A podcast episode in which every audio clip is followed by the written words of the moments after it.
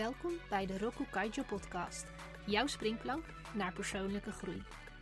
Mijn naam is Marianne Reinen. Ik ben jouw host tijdens deze reis. Herken je dit? Je staat ochtends op en hebt het gevoel niet goed uitgerust te zijn. En dan heb je nog een hele dag voor je. Naar je werk, boodschappen doen, koken. Oh ja, en je gezin, partner, familie of vrienden die hebben ook nog de nodige aandacht nodig. Al snel bedenk je je dat je gisteravond nog wat wijntjes hebt gedronken, toch wel vrij laat naar bed bent gegaan en nog best een tijdje op je telefoon hebt gezeten. Zou dat er iets mee te maken kunnen hebben dat je je moe voelt? Volgens sommige wetenschappers hebben we zo'n 8 uur slaap per dag nodig. Er zijn personen die aan 2 uur slaap per nacht genoeg zeggen te hebben. Anderen slapen het liefst 10 uur per dag. Persoonlijke voorkeuren over de duur ervan daar gelaten. Wat is slaap nu eigenlijk? Uit welke fase bestaat slaap? Wat heeft invloed op de kwaliteit van je slaap? En waarom is goede slaap belangrijk? 1. Wat is slaap? Het Trimbos Instituut beschrijft het als volgt.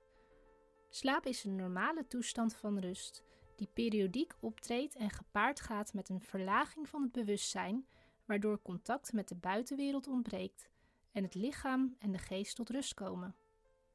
Christopher Barnes beschrijft in zijn artikel voor Harvard Business Review nog het volgende.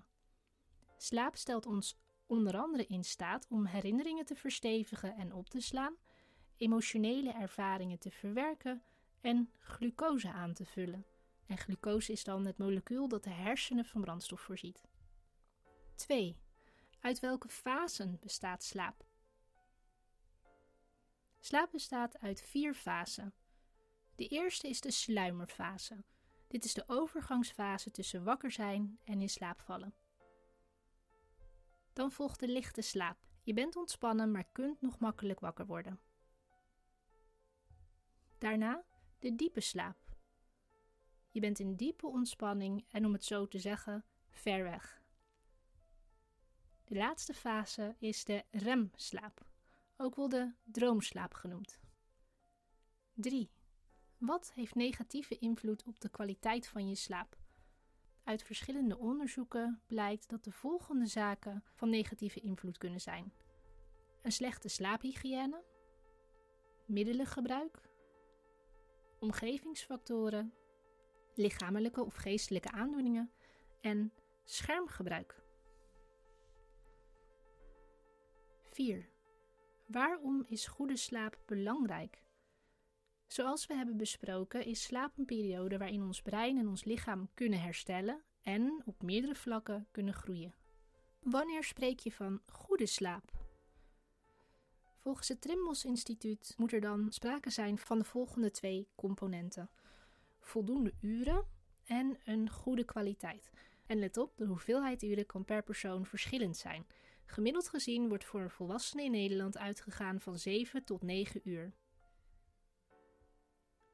Volgens het Trimbos wordt van een goede kwaliteit gesproken als je minimaal 85% van de tijd in bed slapend doorbrengt, binnen 30 minuten in slaap valt, niet meer dan eens per nacht wakker wordt en minder dan 20 minuten wakker bent na eerder in slaap te zijn gevallen. Eerder haalde ik Christopher Barnes aan.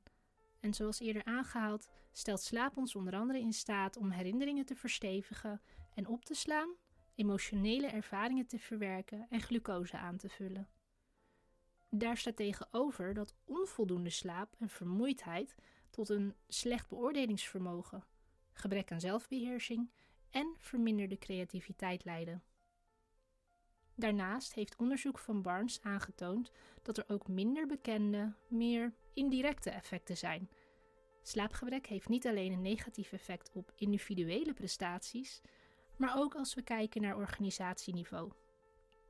Gebleken is dat wanneer managers niet of niet goed slapen, ook de ervaringen en output van de overige werknemers afnemen. Goede slaap is dus essentieel voor een goede gezondheid. Maak jij het een prioriteit? Roku Kaijo's weektip.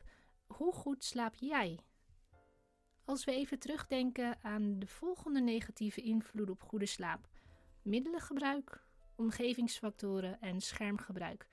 Waar zou jij dan aan kunnen werken? Ga hier eens een weekje mee aan de slag en hou bij of je veranderingen ziet of merkt. Bedankt voor het luisteren naar de Roku Kaijo podcast. Schakel elke donderdag in voor een nieuwe aflevering. Meer informatie en het laatste nieuws vind je op de website roku-kaijo.com.